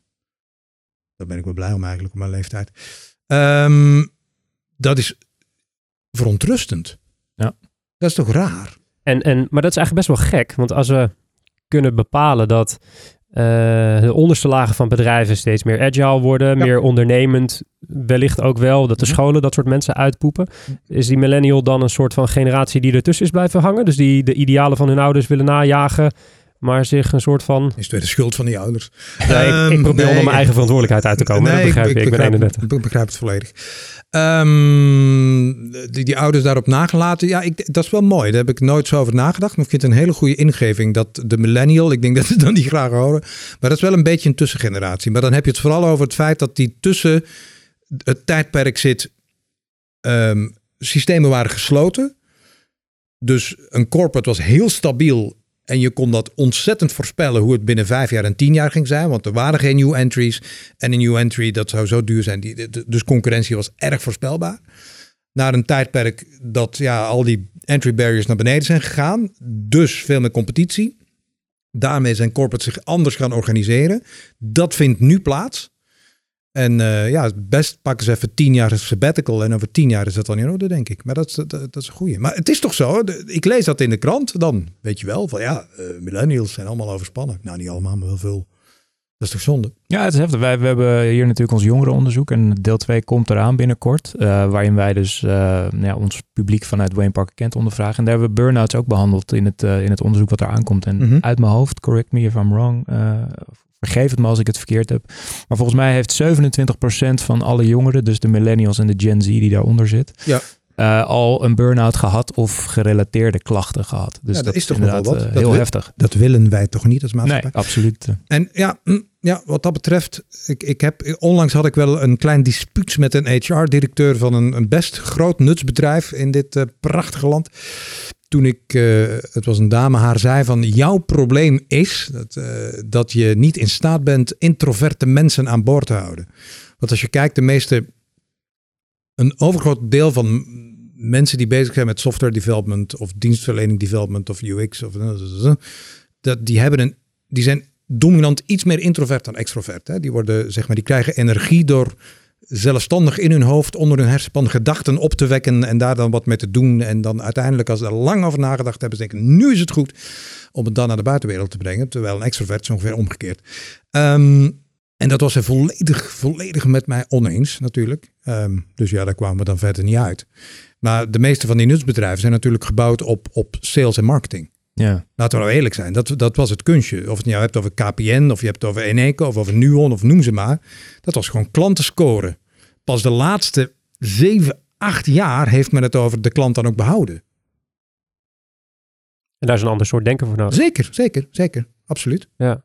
Absoluut. Als je kijkt naar je, naar je eigen denken, want je bent zelf ook geswitcht van kant. Laten we hem zo even, even voor de duidelijkheid neerschetsen. Je komt van de media kant 2011 ga je ondernemen en zit je nu eigenlijk in de diensten product kant. Kan ik hem zo simplificeren? Ja. Wat, wat, wat is er veranderd in jouw denken? Dat zijn twee totaal verschillende werelden. Ja. Dat hebben we net op organisatieniveau al een heel klein beetje getouched. Misschien wel meer introverte mensen aan jouw kant van het hek, meer extraverte mensen aan onze kant van het hek, laat ik het zo even stellen. Ben je anders gaan denken? Is er een ander soort denken bij jou nodig nu? Ja, maar mensen evolueert sowieso. Hè. Daar, kan je echt, uh, daar ontkom je niet aan. Dus, dus, dus maak je borst maar nat. Maar over tien jaar denk jij over bepaalde dingen echt anders. En Ik tien jaar wel, daarna nog eens een keer. Ja, maar ook, ook best fundamentele dingen die, die kunnen schuiven. Ehm, ja, ik, ik, ik, ik, zat, ook- ik ben ooit begonnen in de nacht. Hè? Dat, dat weten heel weinig mensen trouwens. Maar ooit was ik DJ. En dat was nog in de tijdperk dat DJ's geen namen hadden. Dus dat waren zo nog geen sterren, zeg maar. Maar- En, en ik was resident in een aantal eh, clubs in België. En dat was toen echt nog. De clubscene in België was toen best wel goed. Ehm, dit gezegd hebben, dat, deed ik dan twee, drie nachten per week. En dan kon ik dan mijn studies mee betalen. Dat heb ik echt heel lang gedaan. Tot op het moment dat ik, ik denk ik 28 was of zo. Dus stond ik op bepaalde maandag, moest ik een fotocopie maken, weet je wel. En ja, het ging niet meer.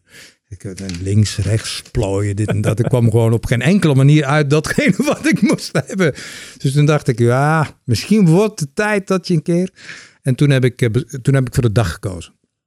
Eh, ik had mijn studie toen ook afgerond en toen is mijn corporate carrière begonnen. Ik weet niet waarom ik het verhaal begint. hoor. Maar dus dat was al een hele belangrijke switch. Ehm, ik denk dat ik, en sommige mensen zullen nu de wenkbrauwen fronsen, maar ik denk oprecht dat ik veel meer mensenmens ben geworden. Dat betekent nog niet dat ik, al een, dat ik een onvoorstelbaar mensenmens ben, hè, maar ik denk dat ik toch in mijn corporate tijd af en toe vrij barbaars was. En kwam dat door die ladder? Ja. Dus je voelde gewoon de noodzaak om een beetje te duwen met de ellebogen, zoals je het net al ja, omschreef. ik beken. Eindelijk. Nou, kunnen we stoppen? Nee. Dat was hem. Heb je nog leuke content gezien? Eh, als, je, als je kijkt naar je businessmodel, waar je nu zit, is eh, wat jij ontwikkelt, en volgens mij heb je dat zelf ook wel eens gezegd, is wat jullie ontwikkelen zijn oplossingen die in basis de bedoeling zijn dat ze die voor altijd blijven bestaan. Hè? Dus een, een, een oneindige oplossing, een oneindige dienst, of in, niet- in ieder geval niet een dienst die je met een eind scenario is Ja. ontwikkeld. Eh, waar je vandaan kwam, laten we hem even vastpinnen op Sanoma Digital, Ja. gaat het over campagnes, kop en staart, sales trajecten. Eh, best wel een korte termijn doelstelling en een eh, korte termijn denken misschien. Is dat iets wat, wat jij zo ervaart? Is dat, is dat denken wat je nu moet tentoonspreiden meer gericht op, den, op een bepaalde oplossing? En was het denken wat je tentoonspreidde in een Sanoma-tijd weer ja. kopstaart? Eh, als het gaat om hoe Sanoma geld verdiende wel. Want dat was simpelweg door adverteerders aan je te binden en te zorgen dat die periodiek geld eh, bij je lieten. Als het ging om de doorontwikkeling van bijvoorbeeld nu.nl was dat niet zo. Dus de productportfolio die Sanoma had, die, die, die, die managed je op een manier dat die nooit meer mocht verdwijnen. Die adverteerders liefst af en aan. En liefst zoveel mogelijk, want dan ontstaat er druk en dan gaat de prijs van stijgen. Nee, dat, dat, die gedachte is ontstaan op een bepaald moment dat ik probeerde te categoriseren in wat voor categorie nou al de meeste van die bedrijven binnen het Make Street netwerk nou eenmaal zitten. Ehm, en dat zit dan in, in en dienstverlening voor banken of, of, of bijvoorbeeld e-commerce, cheap tickets, dat soort dingen. Ehm, en toen op een bepaald moment, toen, toen ja, kreeg ik eens het verzoek van iemand om iets met een campagne te gaan doen. En ik, ik had dan eh, met die persoon in overleg gegaan en ik had een beetje becijferd wat dat kostte. En die viel van zijn stoel. Die zei, jullie zijn zo duur. En toen eh, ging ik daar verder over filosoferen. Maar, en toen ging ik daar verder over nadenken en nog nadenken. En de, de bottom line is inderdaad dat dingen die bij ons gemaakt worden, hebben de intentie, de intentionaliteit om nooit meer te verdwijnen. Als jij een bepaalde nieuwe functionaliteit integreert in een bepaald platform van cheap tickets, heeft dat de bedoeling om nooit meer te verdwijnen. Dat zal evolueren, net zoals een kind groeit.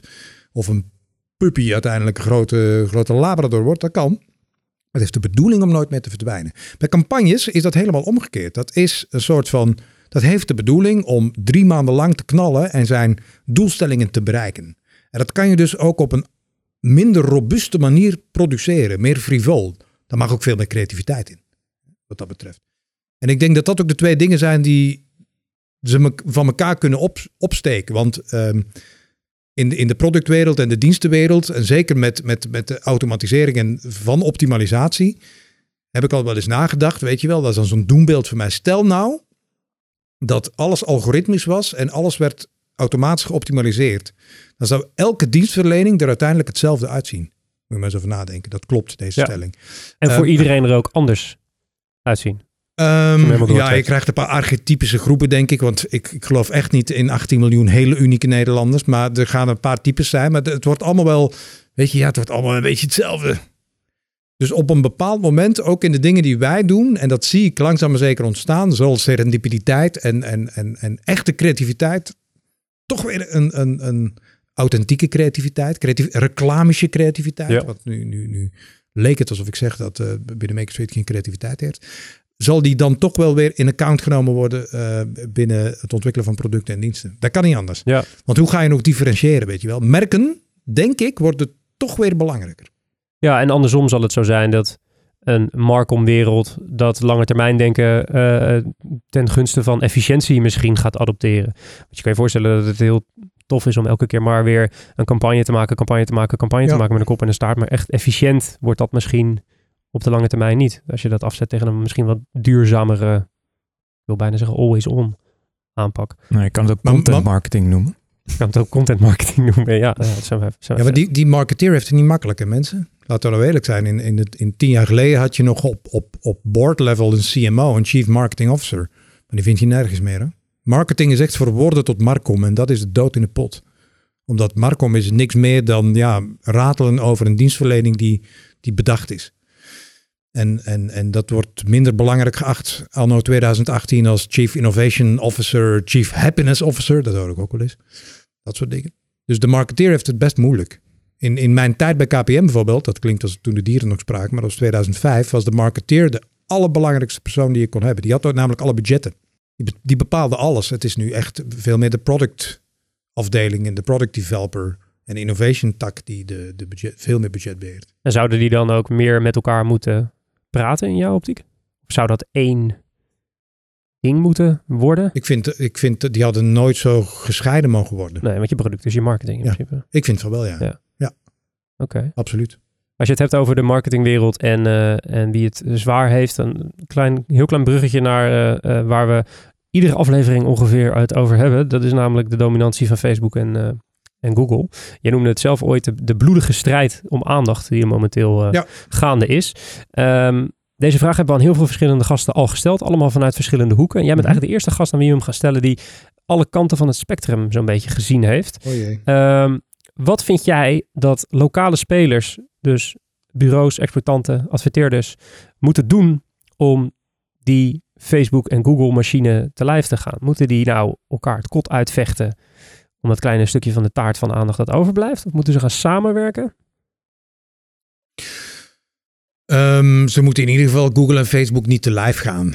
Ehm, ik denk dat dat verspilde energie is. Dat, ehm, ja, weet je, het is zoals het is. En, en Google, Facebook, Instagram, dat soort, dat soort partijen hebben een infrastructuur eh, neergelegd eh, in den landen. Hè? En, en, en, en daardoor kan je je content distribueren, daardoor kan je reclame distribueren, daardoor kan je dingen meetbaar maken die vroeger niet meetbaar waren, en zo verder enzovoort. Dus dat is op zich een, een hele goede zaak. Ehm, het is wel doodzonde dat het allemaal uit de US komt. Er komt echt daadwerkelijk niets uit, eh, uit Europa. Ja, vind ik. Op dat vlak, hè, als het om media gaat. Ja. De vraag is dat, is, dat, is dat heel dramatisch? Want we moeten, we moeten media ook niet belangrijker maken dan het is. En in essentie moeten media ervoor zorgen dat eh, de democratie gevrijwaard wordt. Ook dat klinkt weer uit de oudheid, maar ik meen dat dan ook nog oprecht. Ik denk dat eh, journalistiek eh, en het feit dat er ergens af en toe mensen zijn die investigative journalism doen en die dingen aan de kaak stellen en onder het voetlicht brengen. Ik denk dat dat een fundamentele taak is eh, van een overheid om ervoor te zorgen dat dat blijft gebeuren. Ik zeg niet dat dat de taak van een overheid, maar wel dat het blijft gebeuren. En in dat kader moet je wel opletten dat, dat de, de, de uitholling van de, van de media niet zo groot wordt dat je dat niet meer kan doen. Maar voor de rest, ja, het is wat het is. En je, en je, en je moet opletten. En ik denk, kijk, het, het, het probleem is een beetje dat ehm, Google, Facebook, Amazon, Apple, noem ze allemaal maar op. Het grote voordeel wat ze hebben is dat ze nou eenmaal een paar honderd miljoen Amerikanen hebben die één taal spreken, die één cultuur beleiden. En waar je ja, heel snel zoveel schaal kan hebben dat je, ja, dat je groot bent en dominant bent. En, en Amerika is ook zelfs nu nog steeds met, met, die, met die toch wel aparte man aan het roer. Dat zeg je heel netjes. hè? Ja, hij is best apart. Eh, is het toch nog steeds een stoer merk? Ehm, tenminste, ik zie, ze, nog, ik zie mensen hier in Amsterdam rondlopen met de Amerikaanse vlag op hun shirt. Dus ja, dat- maar ik, ik denk ook omdat dat, dat, dat zit zo cultureel ver, Ja, ja. ver- En we hebben geen alternatief, dat denk ik ook altijd nog wel. Eh, als Wester, als wij Ja. als in Europa dan, hè, waar wij tegenop kijken, dat is dan niet China, of, omdat dat cultureel gewoon verder van ons afstaat. Dus ik denk dat het ook een beetje daar vandaan eh, komt. En dat ook die politieke gekkigheid het veel verder van ons als Nederlanders afstaat dan Coca-Cola of Facebook. Een een wetgeving is, is hierin belangrijk en bewustwording. Ik bedoel, mensen, wees alsjeblieft bewust wat je allemaal doet. Met Google, met Facebook, met Apple. En dan is het prima als je het maar bewust doet. Hè. Ieder is vrij om te doen wat hij wil. Maar wat ik heel bijzonder vond, bijvoorbeeld een paar maanden geleden met die sleepwet, de- het referendum. Dat exact die doelgroep die zich ja, volledig blootgeeft op Facebook. En echt zonder, als een kip zonder kop, eh, met eh, broek op de knieën. Eh, ja, zichzelf tentoonspreidt op al die digitale platformen tegen die sleepwet ging stemmen. En dacht van ja, hey, je snapt het gewoon niet. Ja. Waar, waar ik zelf geen mening ga geven over was je nou voor of tegen de sleepwet, daar gaat het niet over. Maar het gaat erover dat je dus, het, het, het klopt niet. Nee, nou, het ironische vond ik aan, dat, aan die hele discussie dat die met name werd aangezwengeld op de kanalen eh, eh, waar de privacy zo te, te grabbel Ja, eh, wordt exact. gegooid. Dat, is heel, dat heeft Dat een hele, raar? hele ironische, ironische ontwikkeling. Als Ja. je, ehm, eh, je zou ook ergens, als je dit in een grafiekje zou, zou zetten in hoe de groei van een Google en de groei van een, een Facebook, zou je een soort tegenbeweging verwachten van versnippering. Dat, het kan niet oneindig blijven groeien. Dat zou economisch bijna een soort van moeten. Iets kan niet oneindig groeien. En toch lijkt zo'n versnippering ondenkbaar. Denk jij dat dat ooit nog, omdat die twee services, deze twee specifieke bedrijven, zo verworven, eh, zo vervlochten zitten in allerlei infrastructuren en zo essentieel zijn in de systemen, zoveel afhankelijke partijen aan zich hebben verbonden. Denk je dat zij, zijn zij too big to fail, om maar even een populaire term erin te gooien?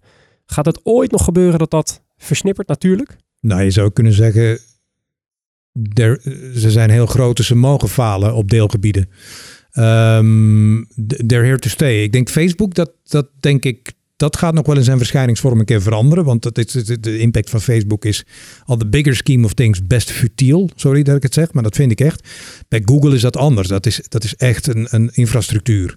Maar ja, het, het gekke is, we piepen een beetje over Google, maar we piepen nooit over Microsoft. Terwijl die ook in heel veel kassasystemen zitten en noem maar op. Dus op zich, kijk, het feit wa- wat zij gewoon heel slim gedaan hebben, is dat zij eh, een noodzakelijke voorwaarde geworden zijn voor de groei van een economie.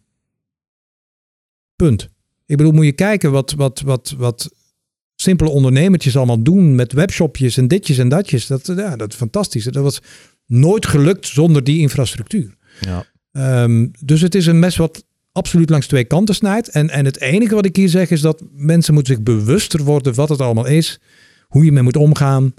En, en dan komt dat wel goed. Want dan gaat men automatisch ook wel eens een alternatief opzoeken. Denk je dat daar nog een rol in is weggelegd voor, voor eh, de EU? Eh, wat we nu met GDPR natuurlijk hebben gezien, een, een wetgeving? Of, of eh, Ja, maar dan hebben ze die rol al uitgespeeld. Hè? Weet je, de EU op dit vlak is natuurlijk... Ja, ze geven dan Google een boete van 4,3 miljard. Ja, ik, ik weet niet wie die boete gaat innen. Maar daar zou ik heel graag bij zijn. Ja, ja, dus ja, ik vind het allemaal leuk. symboolpolitiek? Ja en nee, want, want de, de, de ver- ja, ja en nee. Want, want het, het, het Europees, dat is natuurlijk geen wetgeving, maar dat wordt een lokale wet. Het is een goede zaak dat het gebeurt. Maar het is op landenniveau, omdat je als, als, als, als lokale government veel meer echte mensen kan toespreken. Eh, en, en, en in een relatie eh, een verzoek doen, moet, moet het appel gedaan worden op de burger van wees je nou bewust van het feit dat een derde van je leven zich afspeelt digitaal, dat al je financiële transacties zich afspelen digitaal, dat dit, dat en dat. En ga nou even bewust leven in die virtualisatie van jezelf als in het echte leven. En die, dat, dat, die dialoog moeten we aangaan. Denk ik. Nou, dat vind ik. Ja, nou, ik denk dat die, dat die dialoog al wel natuurlijk ontstaat. Omdat er straks gewoon generaties van mensen geboren worden in die, in- binnen die infrastructuur. En die zullen zich alleen nog maar meer gaan integreren in onze levens. Dat het, Ja, maar het, zijn wel, het is dan wel die generatie die dan tegen de sleepwet eh, stemt terwijl ze... eh, ja. ja, maar ik denk dat dat ook een, een, een, een, een soort trend, trend dingetje is. Want de opvatting van privacy onder de allerjongste is een totale andere opvatting dan waar. degene die tegen die sleepwet. En ik denk dat dat, dat gaat Eens. alleen maar eh, vergroten en vergroten, dat effect, gok ik. Ehm, eh, die strijd van aandacht daar gelaten, dat is een, een, een technologische, revolutie, laten we hem zo even noemen, of de gevolg van een technologische revolutie. Ehm, jij hebt ooit over eh, allerlei dingen die worden aangeduid als technologische revoluties, eh, blockchain, eh, AI en dat soort dingen, gezegd. eh, ehm, stop nou eens met roeptoeteren erover en laat nou eens eerst zien wat het daadwerkelijk, ehm, daadwerkelijk kan. Wat ik denk dat een hele goede stelling is. Waar kijk jij naar als er zo'n nieuwe technologische revolutie de kop opsteekt? Waar, waar, hoe scheid jij de zin van de onzin? In de toepasbaarheid. Meteen kijken wat je ermee kan. Ja, kijk, het, het, het, ik vraag niet aan iemand die met wat nieuws komt, laat zien wat het kan. Maar ik, ik vraag aan mensen die er verstand van hebben om proberen er wat mee te doen, wat dan een impact heeft op. Weet je, als jij met artificial in- intelligence in staat bent om predictive je conversiecijfers te verhogen, ja, dan moet je dat vooral doen. Maar dan moet je niet over babbelen, dan moet je dat doen. En wat is, wat is een, een voorbeeld van, van zo'n technologisch nieuw ding waarvan jij zegt van nou, dit, hier geloof ik in, hier kan ik iets mee? Nou, ik, ik, ik vind op dit moment het domein van cognitive computing buitengewoon interessant. Om, om twee redenen. A, datgene wat het kan betekenen eh, voor de mensheid in zijn gebruik van technologie. Want je krijgt een volledig nieuwe interface. Hè? Daar waar we vroeger achter een scherm zaten met, met zo'n cursor en een muis. En dat werd dan swipen. En dat wordt gewoon echt natural language processing. Eh, die technologie die wordt intiemer enzovoort enzovoort. Dat vind ik eh, ja, zeer interessant. Want je maakt machines meer menselijk hiermee. En je gaat bepaalde processen die vroeger exclusief werden toebedeeld aan de mens. Ja, die ga je nu ook aan machines geven. Ik weet niet of je op Netflix dat, die film hebt gezien over, over Go. Dat, dat spelletje wat dan uiteindelijk eh, een computer wint. En ja, dat is, dat is fantastisch om te zien. Want dat is een, allemaal niet zo boeiend. Maar het gaat vooral over de authentieke emoties die men heeft als die, als die knakker uit Azië één van de zeven spelletjes wint. Als, alsof de mensheid gered was. Dat, dat was het gevoel wat er, wat er uitkwam. Maar dan zit je meteen toch weer op, een, op het andere denkspoor. Van ja, oké, machine learning en cognitive computing, zeer interessant. Kinderschoenenwerk op dit moment, weet je wel. Heel veel van de dingen en de toepassingen die nu gebeuren, konden echt vijf jaar geleden al hebben geen zak te maken met artificial intelligence. Maar gewoon met even gezond nadenken wat je nou met een, met een data lake moet en welke vragen je stelt aan die data. Maar goed, wat mij onvoorstelbaar boeit is die venture capitalists en anderen die steken miljarden in artificial intelligence. Maar moeten wij dan de mens eh, ook niet een beetje meer mens maken? Want eh, een van de, van de dingen die je dan leest in al die boekjes is... ja, de mens maakt maar van 8,9% van zijn totale hersenmassa gebruik. Nou ja, laten we daar in eens geld in steken... dat we dat opkrikken naar 22,5%. Ik denk dat daar de maatschappij meer aan, z- nog meer aan zal hebben. Eh, wat niet wegneemt dat ik vind dat je met AI en al die dingen ervoor moet zorgen dat de mens optimaal ontzorgd wordt om meer mens te worden. Maar wel in die volgorde. En dan mag je dat meer mens worden niet, ja, mag je niet vergeten. Zie je dat dan nu ook als bedreiging, zeg maar, de manier waarop er nu mee omgegaan wordt? Dat, Ja. dat, eh, Ik vind dat, ik vind dat. Kijk, het feit dat ehm, bepaalde technologiebedrijven op dit moment de handen in elkaar slaan eh, om met bepaalde eh, afspraken te komen over hun sector heen. Hè, om, om te zeggen, wij gaan nooit killer robots produceren. Ja, dat vind ik best eh, apart. Dat zijn geen landen of zo. Hè? Het is hier niet de VN. Hè, we hebben te maken met een. We leven in een situatie momenteel waar de, de, de, de, de munt die het meest verdiend en verbrand heeft in de laatste twee jaar, was geen onderdeel van het IMF. Daar had mevrouw Lagarde echt geen zak over te zeggen. Die heet, de- die hè, de, de, de bitcoin en alle dingen die daarna zijn gekomen. Cryptocurrencies. Ehm, en het militair-industrieel complex, wat eigenlijk landen bepaald was altijd, daar hebben nu een aantal nieuwe spelers die het noodzakelijk vinden om met elkaar afspraken te maken dat ze de wereld niet gaan kapotmaken. Wacht even. eh, even opletten hier. Waar zijn we weer mee bezig? Is dat dramatisch? Nee, maar het zegt wel iets ja, over, over eh, het feit dat, dat, ja, enorme verschuiving. Gewoon. en dat is een enorme verschuiving. Ik denk dat er geen twijfel over bestaat dat, dat er killer robots mogelijk zijn. Als je hem op een wat liever onderwerp betrekt, die robotisering en die computers. Denk je dat een computer ooit het creatief vermogen, het pure creatief vermogen van een mens kan vervangen? Nee. Maar het zal de enkeling zijn die de creatieve output van de mens zal blijven waarderen. Het wordt een luxe, bijna iets bedacht door mensen. Nou ja, kijk, de output van creativiteit is, is, is, is zichtbaar of tastbaar, of hoorbaar, of proefbaar, of je kan het ruiken, toch? Ja, Dan hebben ze on- ongeveer gehad. Ehm, en ik heb niet heel veel vertrouwen in de smaak van de mensheid. Dat vind ik mooi gezegd. Nou ja, en daarom denk ik dat, dat en dat zie je nu ook al, hè, want als ik dan met mensen praat wiens allergrootste ambitie het is om uiteindelijk toch alle mensen te vervangen door machines, dan gaan ze de prat op dat eh, computers teksten, video of kunstvormen kunnen uitpoepen ondertussen, die door de meerderheid van de mensen worden verkozen boven iets wat een mens heeft gemaakt. Maar dat bewijst natuurlijk helemaal niks verder. Nee, of, of, of creativiteit is iets wat qua eh, uitvoering gewoon gaat evolueren naar je bent straks een creatief mens als je al die technologieën en algoritmes en als je de machine zo optimaal mogelijk en creatief mogelijk kan besturen. Dus Ja, dat, dat- het niet dat- zozeer gaat over de, ik bedoel, de machine hebben is één ding, maar er moet alsnog een muntje in. Er moet alsnog, Ja, maar dat, dan gaat het om de productie. En, en daar gaat dat onvoorstelbaar veel goeds kunnen doen. Maar het, het, een, een,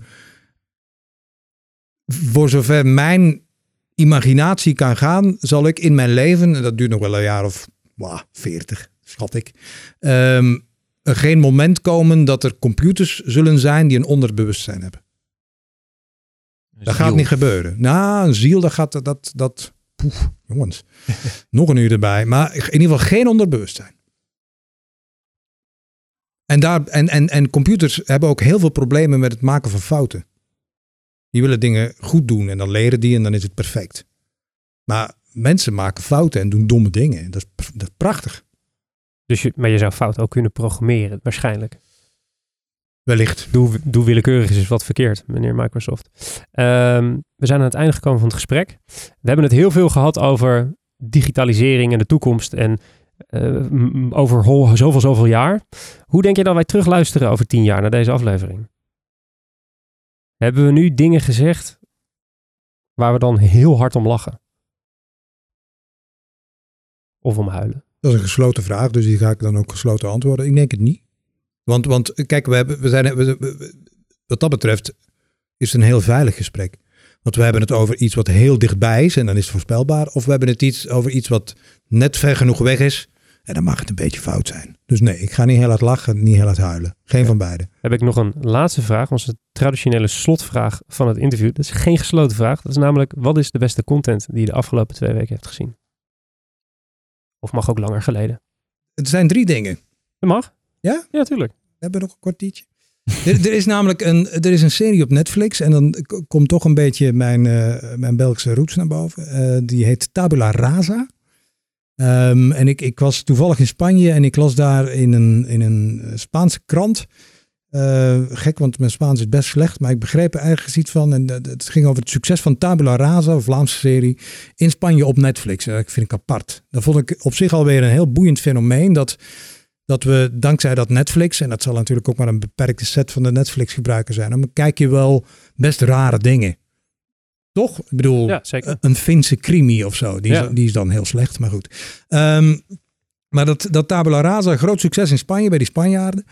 Dus ik dacht, eh, dat eh, gaan we dan maar eens kijken. En eh, ja, dat is echt fantastisch. Dat is, dat is echt zo goed gemaakt.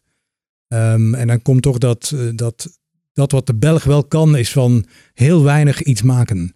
Want zoveel hebben ze daar niet. Maar goed, Tabula Rasa. Ehm, een tip, tip van Flip op Netflix. Echt kijken. Dan een ander dingetje. Een film die ik, aangezien ik een, eh, een zoon heb van negen, dan ga je wel eens naar de bioscoop. Nu in deze warme dagen niet, maar geloof mij, in de winter doe je dat.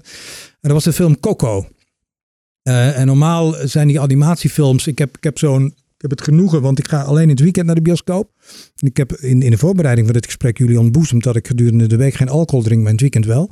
Dus wat ik dan meestal doe eh, als ik naar de bioscoop ga, is zo snel mogelijk drie Afrikaans atten. En dan zo'n zo'n film in en dan film in. En dan, ja, dan val ik meestal in slaap. En dat is prima verder, want de meeste van die kinderfilms en animatiefilms zijn echt ja, tranentrekkend slecht. Maar af en toe heb je, heb je eh, uitzonderingen. Ehm, en Coco was echt zo'n uitzondering. Eh, Disney, Pixar, het is echt waanzinnig hoe ze een, een thema als de dood en het hiernamaals aansnijden. Echt een, een aanrader, ook als je geen kinderen hebt, en, en, maar wel van Affleck houdt. Coco. Coco, inderdaad. En eh, om jullie helemaal te plezieren, ehm, eh, een campagne van Airbnb, de, die, die Van Gogh campagne. Heb je vast, eh, vast van gehoord. Dat, ja, dat vond ik dan wel weer, dat ik dacht van, vond ik zeer hoopgevend. Als je het nou, om terug te komen op een eerdere vraag van kriebelt het wel eens. Als ik dan dat soort campagnes zie, dan denk ik, hé, dat vind ik goed. Ja. Waar ze in dat, ik denk in Chicago in een museum, die kamer van, Ja. van Van Gogh hebben nagebouwd van dat ene schilderij. En, en die kamer dan gaan Airbnb. En ja, dat is natuurlijk een onvoorstelbare hit. ja, volgens mij, is dit, volgens mij is dit zelfs een rondreizende, rondreizend ding. Zou kunnen. Ja, Maar ik vind, ik vind het waanzinnig. Ja. En het is, ja, het is helemaal niet zo creatief. Het is vooral heel slim. Het is wicked. En eh, ja, wie zou nou niet in de kamer willen slapen van Van Gogh? precies. Die drie dingen Mooi. had ik gevonden. Heb je een favoriet? Ja, dan denk ik toch Coco. Coco. Ja, ja. Coco. Er was ook bijna niemand in de zaal die niet huilde. Behalve de kinderen. ja, En jij, en jij dus ook. zeker. Kijk, een ontboezeming in de slotfa- slotfase van dit interview. Joris, hartstikke bedankt voor je komst naar de studio. Hoe vond je het? Ehm, ja, ik, ik, ik, ik wist niet wat ik moest verwachten, heren. Want ja, dit was natuurlijk mijn eerste podcast. Precies. Ben je overtuigd van de distributiemiddel slash medium slash ding? Ik ga vol voor een multiple orgasme. Kijk, daar gaan we, daar gaan we voor. Kom dan snel een keer terug. Eh, niet voor dat orgasme, maar dan voor een nieuwe aflevering. Eh, Matthijs Stielman, hoe vond u het? Ik vond het gezellig. Was het weer helemaal in je habitat s'avonds? Ja, zeker. Leuk. Kom je, Ja. over, kom je over twee weken weer? Absoluut. Leuk. Nou, dan rest mij niks anders dan te zeggen dat mocht u iets gehoord hebben in deze aflevering waarvan u denkt, hé, hey, dat is interessant, daar wil ik meer over weten. Dat komt mooi uit, want we hebben een pagina die heet de show notes. Die vindt u op wayneparkagent.com slash podcast of via het linkje in deze beschrijving van deze aflevering. Daarnaast kunt u zich abonneren. Dat kan in vrijwel iedere grote podcast app, waaronder ook Spotify, dankzij Pepijn van der Pol, onze redacteur. Dan rest mij niks anders dan uw gedachten te zeggen. De brief wordt zoals iedere aflevering gemaakt door WPK, de agency. Dat is het digitale bureau van Wayne Parker Kent. Onze mediapartners zijn Adformatie en BNR Nieuwsradio. De productie wordt zoals iedere aflevering gedaan door de onvolprezen Kevin Eiken. Die heeft geen microfoon, maar die gaat wel wat zeggen. En de redactie wordt, zoals gezegd, gedaan door de onvolprezen Pepijn van der Pol. Die heeft ook geen microfoon en die gaat ook wat zeggen. De volgende aflevering is zoals gezegd over twee weken te gast. Dan is Mark Vergeel van TMG. Ik heb er heel veel zin in. Tot dan. Mijn naam was Mark Schoones. Tot de volgende keer.